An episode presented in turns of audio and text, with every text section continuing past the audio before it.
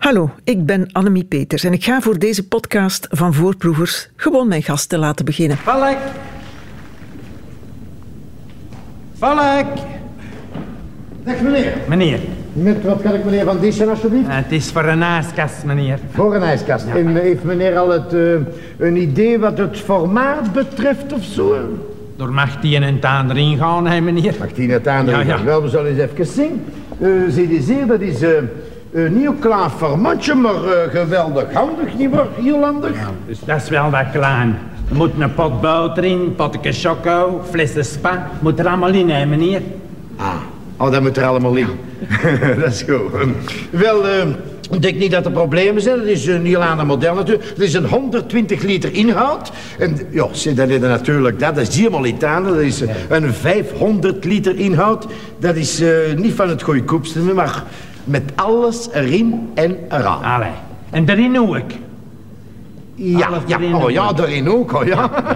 De clue zal nog volgen verderop, maar dit zijn dus Gaston en Leo, twee van de grootste komieken van Vlaanderen, die al lang niet meer zijn, maar die blijven leven. Ik praat in deze podcast met Kobe van Herwegen, die net een boek over hen uitbracht, en er volgt nog veel meer rond Gaston en Leo.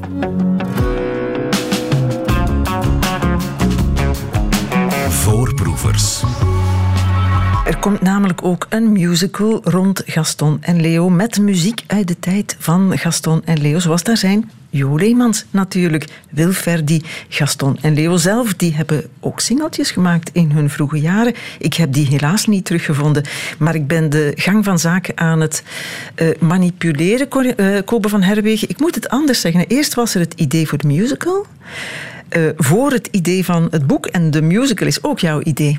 Ja, samen met Dirk van Voren. Eh, ik merkte op dat in het buitenland eh, heel veel musicals werden gemaakt rond iconen daar. In Nederland had je een musical rond Ramses Shaffi, Lisbeth List, over Wim Sonneveld, Toon Hermans. En ik dacht, ja, als dat in Nederland kan, dan moet dat hier ook kunnen. En zeker over Gaston en Leo. En James Cook was ook nog niet op het idee gekomen. Nee, toen, nog niet zoveel jaren geleden. En ik spreek Dirk van Voren daarover aan. En die zegt van, Kobe, ik zit exact met hetzelfde idee. Ja, en dan is het gewoon krachten bundelen. En dan is het eerste wat je je afvraagt, mogen we dat zomaar doen? En dan ga je naar de dochters en naar de ex-manager René Vlaai van Gaston en Leo. En met een heel bang hartje klop je daar aan en vraag je, mogen wij het verhaal van jullie vaders in een musical omzetten? En die hebben de goedkeuring gegeven. Dat was een fantastisch gevoel. En dan zijn we op onderzoek gegaan, eh, met nabestaanden gesproken, met mensen die nog met het duo heeft samengewerkt gesproken. En zoveel informatie gevonden dat we niet allemaal kwijt konden in die musical. Want dat script heb ik samengeschreven met Frank van Laak, die ook de regie voor zijn rekening neemt. En zo is het boek er dan uiteindelijk Ja, bij. dus het boek is een afvalbakje. Nee, nee. Een spin-off, moet ik zeggen. Nee, eigenlijk vertellen we in de voorstelling het verhaal van de twee mannen achter de schermen. En in het boek geven we het gehele carrièreoverzicht weer. Oké. De musical speelt vanaf januari 2024 in Theater Elkerlik in, Antwerpen, Antwerpen. Het laatste nieuws publiceerde gisteren een foto van de hoofdrolspelers, Warre Borgmans en Jurgen ten Naat. Ja, Warre als- Gaston en eh, Jurgen als Leeuw met een beetje schmink. Ja. En een rosse haarspoeling voor Warre. ja, ja. ja. En een snor voor Jurgen. Zijn dat helemaal Gaston en Leo? Ja, het is, het is fantastisch om te zien, want ja, wie, wie gaat die mannen spelen? Dat was de eerste vraag. Ook Jij bijvoorbeeld, jij bent Nee. toch ook acteur? Ja, maar je hebt twee, je hebt twee ijzersterke acteurs nodig. Jij bent toch ook een goede acteur, Kobe? Ja, nee, nee, nee, nee, nee. Ik wil de voorstelling veel te graag zien ook. Maar we hadden een, eh, iemand nodig met een Antwerps accent voor eh, Gaston en iemand met een Gens accent voor Leo. Jij woont toch ook in Antwerpen, Kobe? Nee, ja, nee, nee. Het moest iemand. Ik, ik wil de voorstelling veel te graag zien. En het moest iemand zijn die het personage kan worden van vlees en bloed en er geen typetje van maakt. Er is niks fout met typetjes, maar we wilden de echte mannen tonen. En ja, Warre en Jurgen hebben aan het lezen van het script toegezegd. En dan hadden we die, die, die, die fotoshoot voor de poster. En ineens zagen we daar in het echt Ja. Gaston en Leo. Dat is hallucinant. Jullie hebben gelijk gehad. Ik denk ook dat het nog niet zo makkelijk is om Gaston of Leo te spelen. Ik heb nu heel veel van hun sketches opnieuw bekeken hè, ter voorbereiding van dit interview. Er wordt soms wat meewarig gedaan over de komieken die ze maar waren. Er is een tijd geweest dat je dat ook niet mocht goedvinden. Van de humo en zo mocht dat niet. Hè. De moest betere je... pers, nee, vond het niet goed. Cote en Bie moest je het dan goed vinden. Ja, ja, en dat was wel een frustratie van beide heren. Ja. Ehm, eh, het volk vond hen goed en de zalen ja, die waren altijd uitverkocht. Maar de betere pers sabelde hen neer en dat heeft pijn gedaan. Maar ze waren beter dan ik mij herinner, zelfs terugkijkend naar die YouTube-filmpjes, zullen we nog even naar die ijskast Oh, eh, uitluisteren. Met beeld is het nog toffer, moet ik zeggen. Eh, maar op de radio pakt het ook wel, denk ik. Gaston komt dus een ijskast kopen bij Leo, dat hadden we al gehoord. Hij heeft al gezegd dat er veel in moet kunnen. Een pakje boter en een pot choco. En hij heeft er al één te klein bevonden. En Gaston is een kritische eh, koper. Het heikelste moet nog komen. Eh, wel, ik zal het eens even demonstreren, nietwaar? Je ziet, dat is allemaal ingedeeld in vakjes. Dat is voor de boter, voor, eh, voor de flessen van onder, de diepvries van boven, de groenten en het fruit van onder. Ja. Verstaat het? Dat is... Zijn er schappetjes ook in, meneer? Van die schappetjes, dat is erin. Ja, ja, dat is er allemaal in. Dat staat nou ingepakt in de plastic in het magazijn, verstaat het? En dan nog iets, de kwaliteit, meneer. De kwaliteit. Luister het goed. Ik zal de deur even dicht doen. Luister het, meneer, hier. Hoort dat is, meneer. Hoort dat is wat de kwaliteit. Dat noemen we de Rolls Royce van de aaskasten. Ja. ja, ik kom voor een aaskast, niet voor een auto, hè. Oh ja, oh ja, dat is zeker. Hè? en dan is er nog iets, nietwaar? De deur gaat open, het lichtje brandt. De deur gaat dicht, het lichtje is uit. Doe, doe ze dan nog eens open, meneer? De deur gaat open, nietwaar? Dus je ziet het, eh, het lichtje brandt en de deur gaat dicht, het lichtje is uit. Je kunt niet zien dat dat lichtje nog wat is er binnen, hè. Eh, nee, natuurlijk. Nee, nee, maar dat, dat lichtje niet zo uit, meneer. Dat, dat, dat gaat automatisch, hè. U begrijpt, dus, als de deur open doet, gaat dat lichtje aan. En, en als de deur dicht doet, is dat lichtje uit. Automatisch. bent niet zeker. Wel, meneer, ik zeg wel zeker. De, als, als, als, die, als die deur open gaat en, en die doen die deur dicht, dan drukt die deur op dat knopje. Verstaan, er is een knopje. En, en die deur drukt op dat, op dat knopje en dan gaat het licht uit. Verstaan, verstaan het licht is uit, dat knopje, hè. Als die deur toe is, zie je niet als ze tegen dat knopje drukt, hè. Ja, maar meneer, alstublieft, ga ze naar de eerste die over dat lichtje begint. Als dat de mensen niet nadenken, hè, meneer. Ja, maar meneer, daar- daar- daar valt niet na te denken. Dat, dat, dat, dat is efficiënt, dat staat in de brochure. Als je die deur open doet, meneer, praat dat liedje. Als je de deur dicht doet, gaat dat liedje uit, meneer. Ik twijfel. Ja, maar enfin, je moet niet twijfelen, meneer. Je redeneert nou toch eens. Meneer, ik redeneer, als dat lichtje er binnen blijft branden, ga maar dat aardig wat kosten aan een trick, hè. Maar dat kan niet meer, want dat liedje is uit, meneer. Als die deur open gaat, praat dat liedje, de deur is dat liedje uit. Er is, er, is niks aan te twijfelen. Ik zou daar mijn hand niet voor in het daarven steken, meneer. Maar enfin, meneer, dan moet, je moet niks doen. Dat, dat liedje is zo, dat is zo uit, dat staat in de dat niet. brochure. Je ziet dat niet, je zit niet in de kas, hè, meneer. Je ziet dat niet. maar enfin, meneer, waarom dat dan Me- Meneer, meneer gaat in die kast zitten. Meneer gaat erin. Meneer, je mag me zenuwachtig. Gaat erin, alstublieft. Gaat erin, alstublieft. Gaat erin, meneer. Dus ik doe de deur dicht, meneer. Voilà. De deur open. Lichtje brandt. Lichtje brand. Dat, dat kan niet. Dat kan niet. Lichtje brandt. Ik heb het gezien, hè, meneer. Ja, meneer, dat heeft er niet goed gezien. Dat kan niet. Als die deur dicht is, meneer, zijn dat toch goed? Dan is dat. En als de deur, dan brandt dat liedje terug. Maar meneer, dat kan niet. Meneer, ga zat niet in de kas, hè. Meneer, Ik heb het gezien. Hoe is dat nou mogelijk? Meneer, je mag me zo zot als een... Meneer, komt eruit. Meneer, kom uit die kas. Meneer, alstublieft, kom uit die kas. Meneer, kom erin zitten. Meneer, doe, doe, doe, doe die deur dicht. Doe die dicht. Doe ze dicht. Die is eruit. Die is eruit.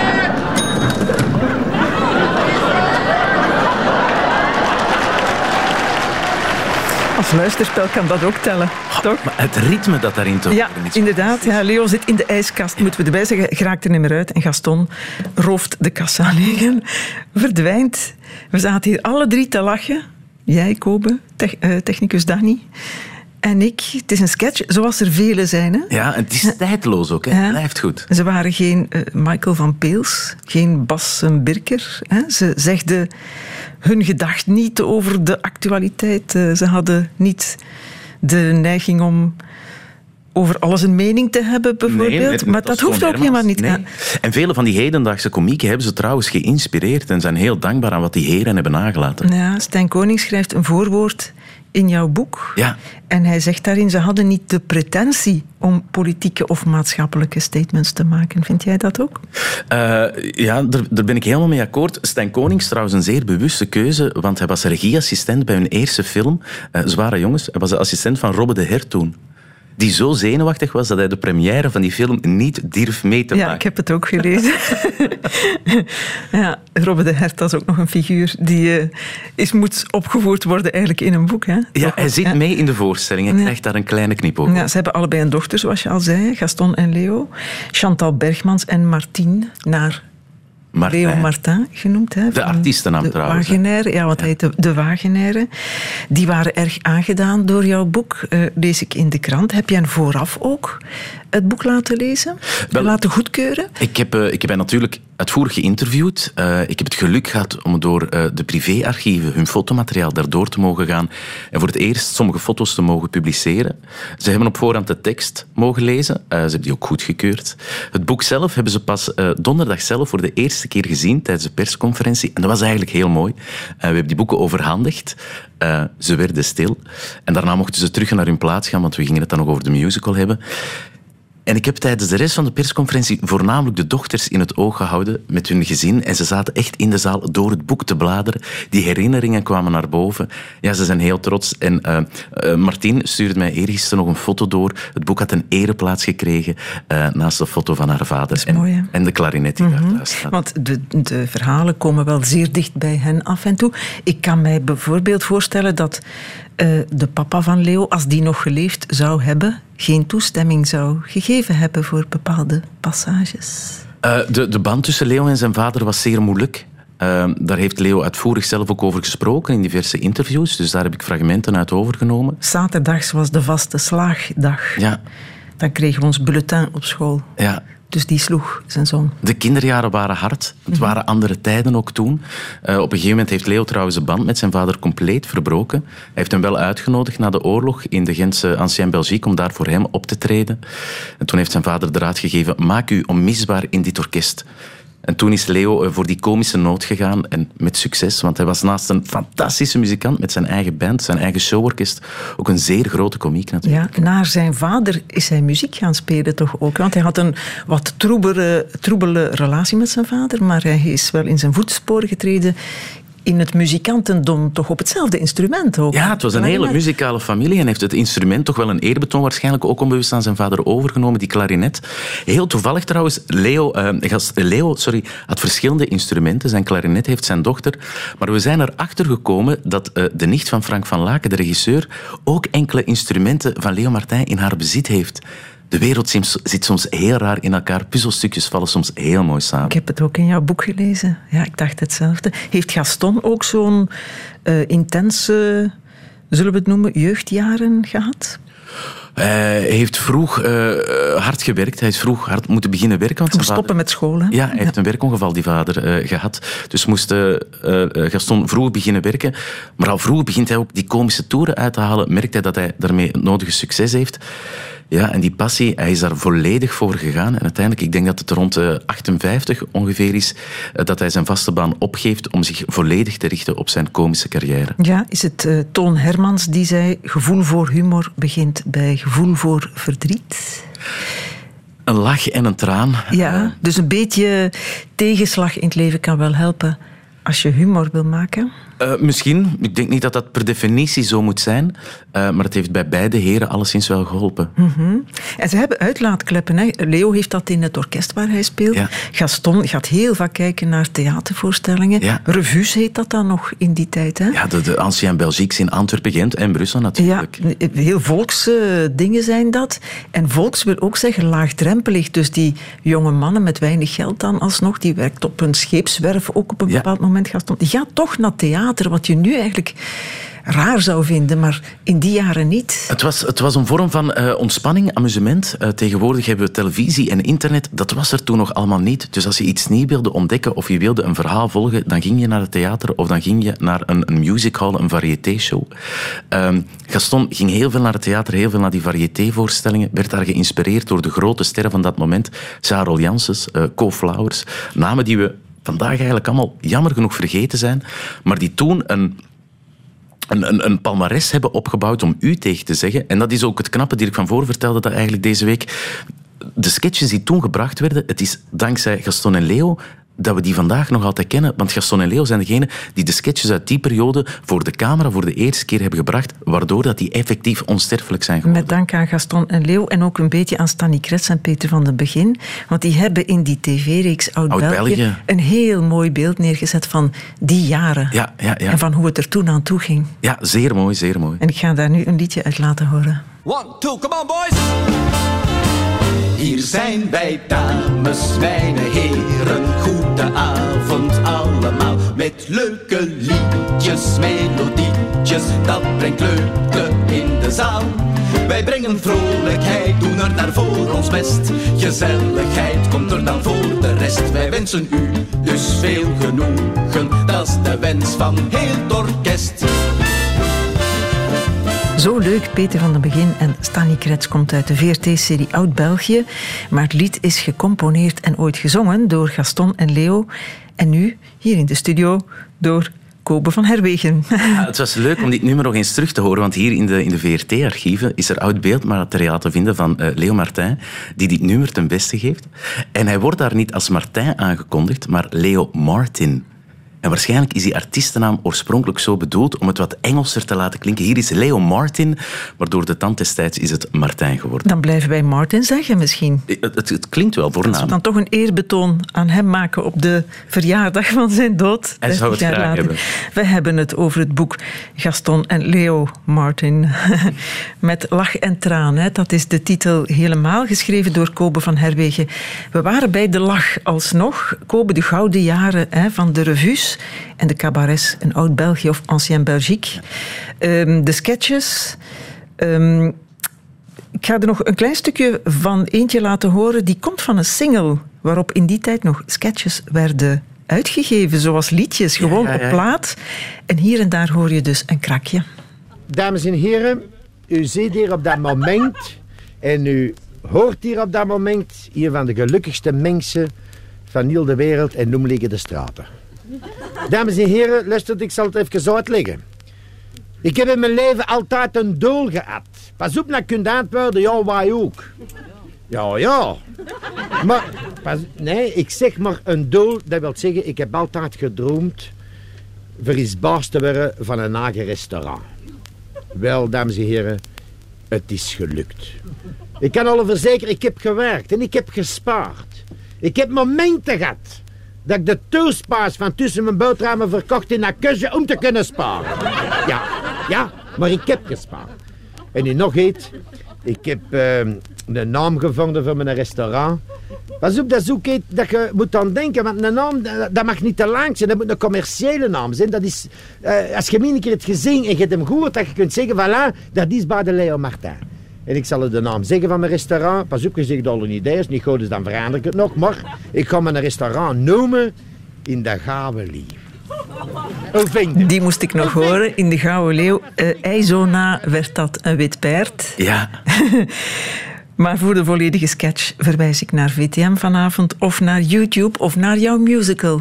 Kobe van Herwegen, zitten daar sketches in ook? Dat is bijna onmogelijk. Nee, nee, want we gaan ze niet naspelen. Die sketches die kunnen alleen maar gespeeld worden door Gaston en. Ja. Maar we geven wel weer hoe die sketches gerepeteerd werden of hoe dat die soms ontstaan zijn.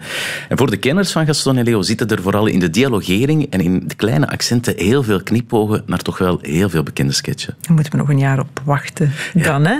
Het is ook geen lachband trouwens. Moet, hè? Dat is echt dat lachen. Het lachen werd live uh, opgenomen en het, de Beter Pers beschuldigde hen ook van een lachband te werken en dat vonden de mannen verschrikkelijk. Want hun lach was echt. En dat is ook geweldig als je die platen hoort, want inderdaad, vroeger werd een plaat opgezet om naar sketches van Gaston en Leo te horen. Gehoord die mannen de lachgolven in de zaal orchestreren. Er begint een lach, er wordt nog een keer hem op verteld, hup, en die tweede lach komt in die zaal. Je hoort ze in hun timing rekening houden met de momenten waarop er moet gelachen worden. Dat alvast. En dat heeft Leo, ik heb het in een quote in jouw boek gelezen, ook gezegd hè, dat ze dat zo deden. Van de timing is alles. Ja.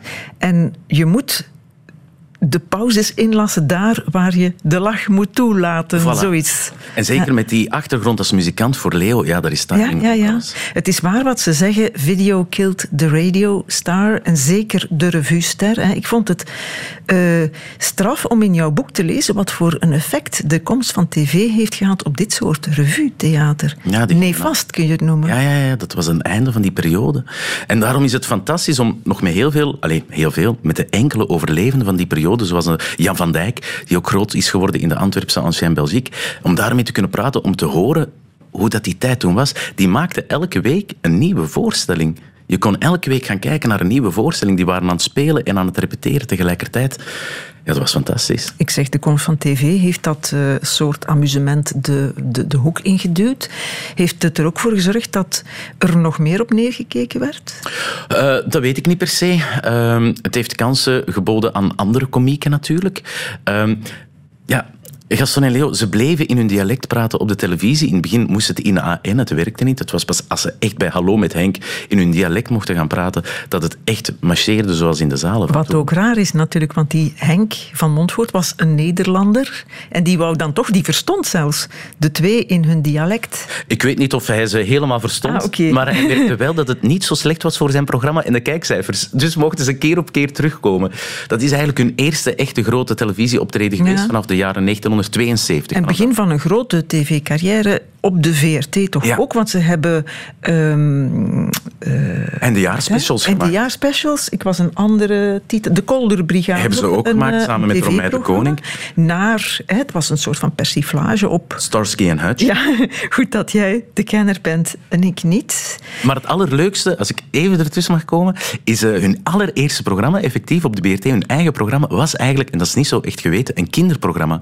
Namelijk Robin de Robot. En ik heb hier in de archieven gezocht van de VRT. Ik heb het niet kunnen terugvinden. Oh, zo jammer. Maar we hebben wel één foto kunnen terugvinden van die robot, wat eigenlijk gewoon een wit gesminkte man is. En die staat gelukkig ook in het boek. Ja, die heb ik gezien. We hebben ook gezocht, maar we hebben het ook niet gevonden. Oh, we hebben eigenlijk jammer. dubbel werk. Ja, sommige dingen zijn niet bewaard, hè, zijn gewoon weg. Zo spijtig, hè? Dat is jammer. Je kan niet alles bewaren natuurlijk. Leo maakt ook een zeer juiste opmerking ergens. Die zegt, televisie maakt je populair op voorwaarde dat ze je niet te veel laten zien. En Gaston zegt het ook, ik citeer gewoon uit jouw boek, hè, met andere woorden, tv verslijt zo vlug artiesten. Het is zo waar. Ja, Want het gebeurt ook met hen. Bekendheid is vergankelijk Mhm. natuurlijk. Hè? Eind jaren tachtig is de BRT hen beu. Ja. Wil niet meer met die gepensioneerde komiekjes werken. Dat zijn de woorden die een van de bazen toen heeft Zo worden gezegd. ze letterlijk bestempeld op dat moment. Wie is die baas? Ja, ik, vind, ik weet wie dat die man is, eh, maar ik, die naam moet niet in het boek en die naam moet ook niet gezegd worden, want iedereen kan spijt hebben over wat hij of zij gezegd heeft. Ja, hebben ze dan al de pensioenleeftijd?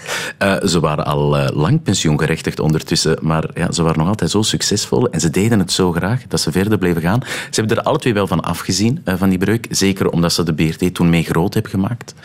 Eh, dus dat is hard aangekomen. Eh, Ook omdat wat nu minder zou gespeeld hebben, namelijk tussentaal, want dat mag nu. Ja. Wat is dan eigenlijk het grote probleem? Ja. De VRT wil algemeen Nederlands. Ja, en die dialecten, ja, dat kan echt niet. Al een geluk bij een ongeluk. Het is daar die periode ook de start van de eerste commerciële zender hier in Vlaanderen, VTM.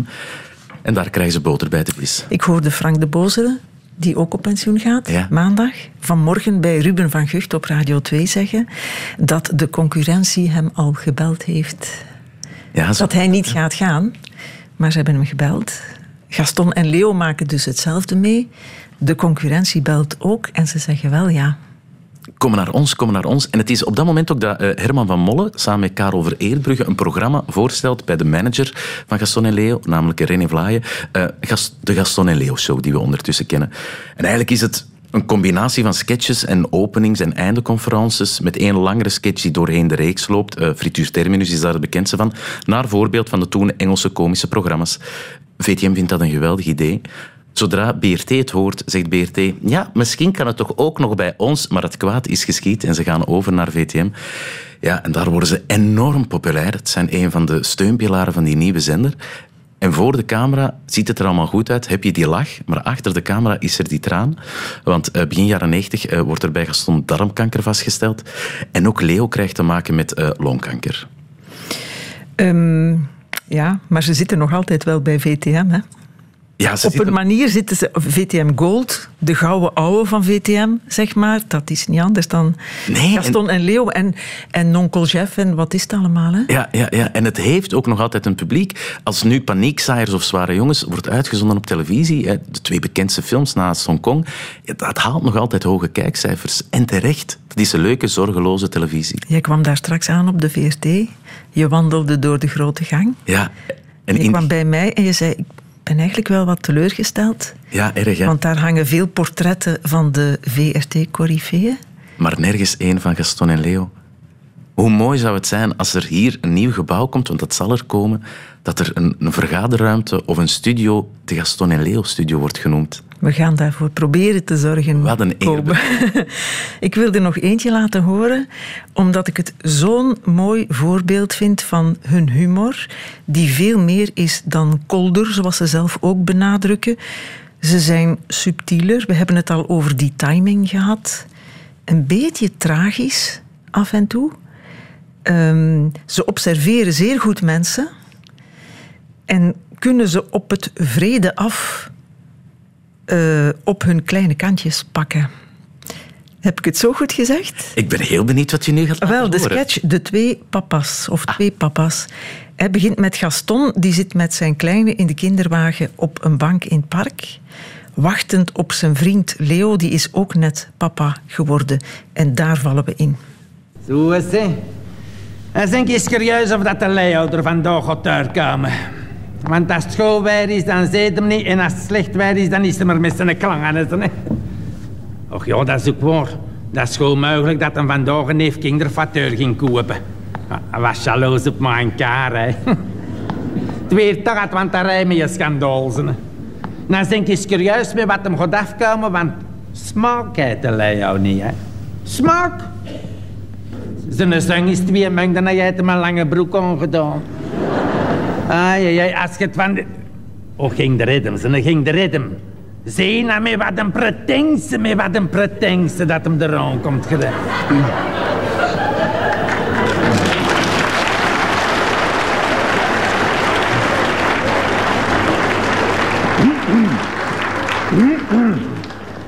Aan Leo. Gaston. Ik komt er zo laat, jongen. Ik heb, uh, zit een beetje later, maar ik zit een nefateur gaan kopen, zitten. Oh god, joh. Het was me nog niet opgevallen. Is goed, is net... ze? Een witte, een witte. Ja, knap. Ja, ik zag in de vaar wel niet afkomen, ze maar ik dacht dat crème glaskarken was. Grandioos. Heerlijk, Je moet daar eigenlijk die beelden bij zien, want heeft hem natuurlijk al lang zien aankomen. Maar het is ook zo mooi om die zaal te horen. Dat is de derde speler, want je kan die twee mannen hebben, maar zonder publiek is er geen humor. Ja. Die lach, dat is dat laatste ingrediënt dat essentieel is. Ze weten wanneer ze moeten stoppen, inderdaad. Hij is helemaal niet... Uh, denkend dat het crème glaskarken daar aankomt. Hij is gewoon jaloers op de witte voituur van de Leo.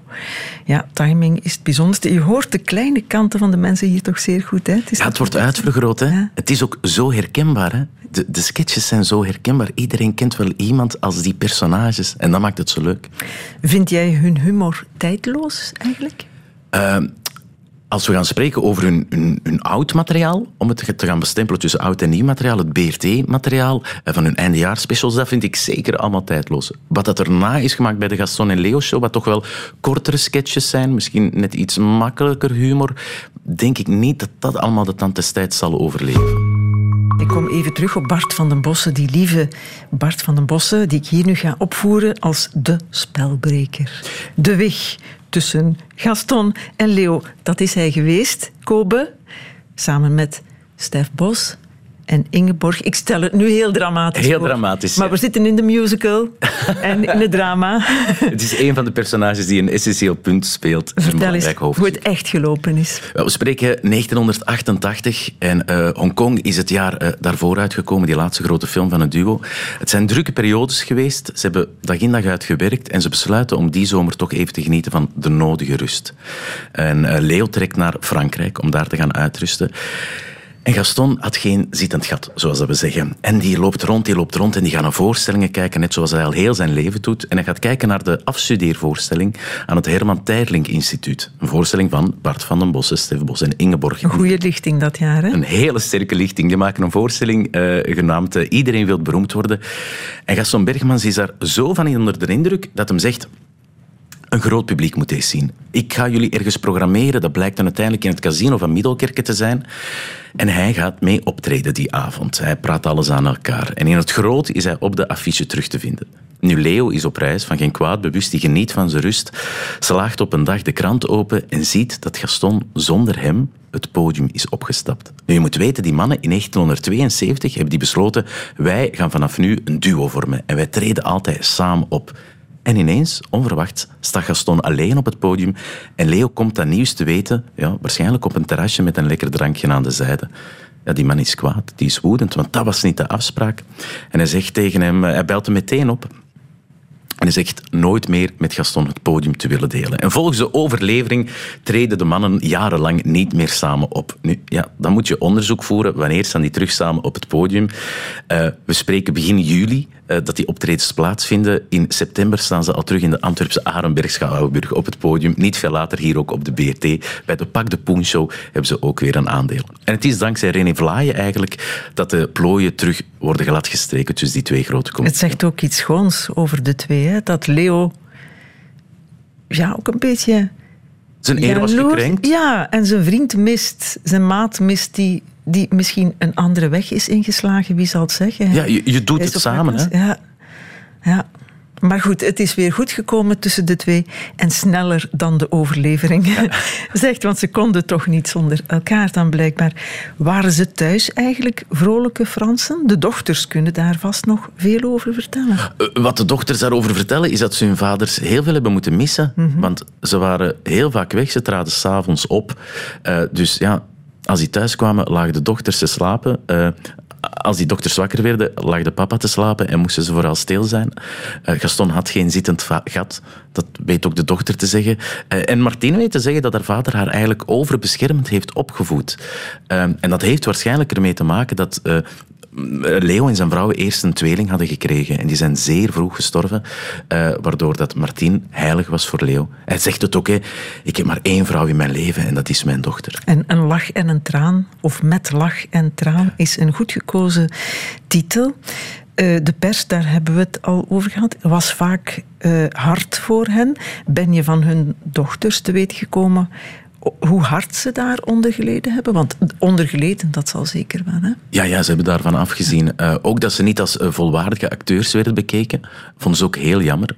Eh, ze hebben op het toenmalige gala van het Gouden Oog daar ook nooit een prijs voor gekregen, wat zeker een frustratie is geweest, want dat melden ze in enkele interviews. En het gaat zelfs zo ver dat ze op een gegeven moment de interviews Normaal gezien neemt de journalist het interview op, maar ook Gaston en Leo begonnen de interviews op te nemen, omdat ze het gevoel hadden dat hun woorden soms verkeerd werden weergegeven in tekst.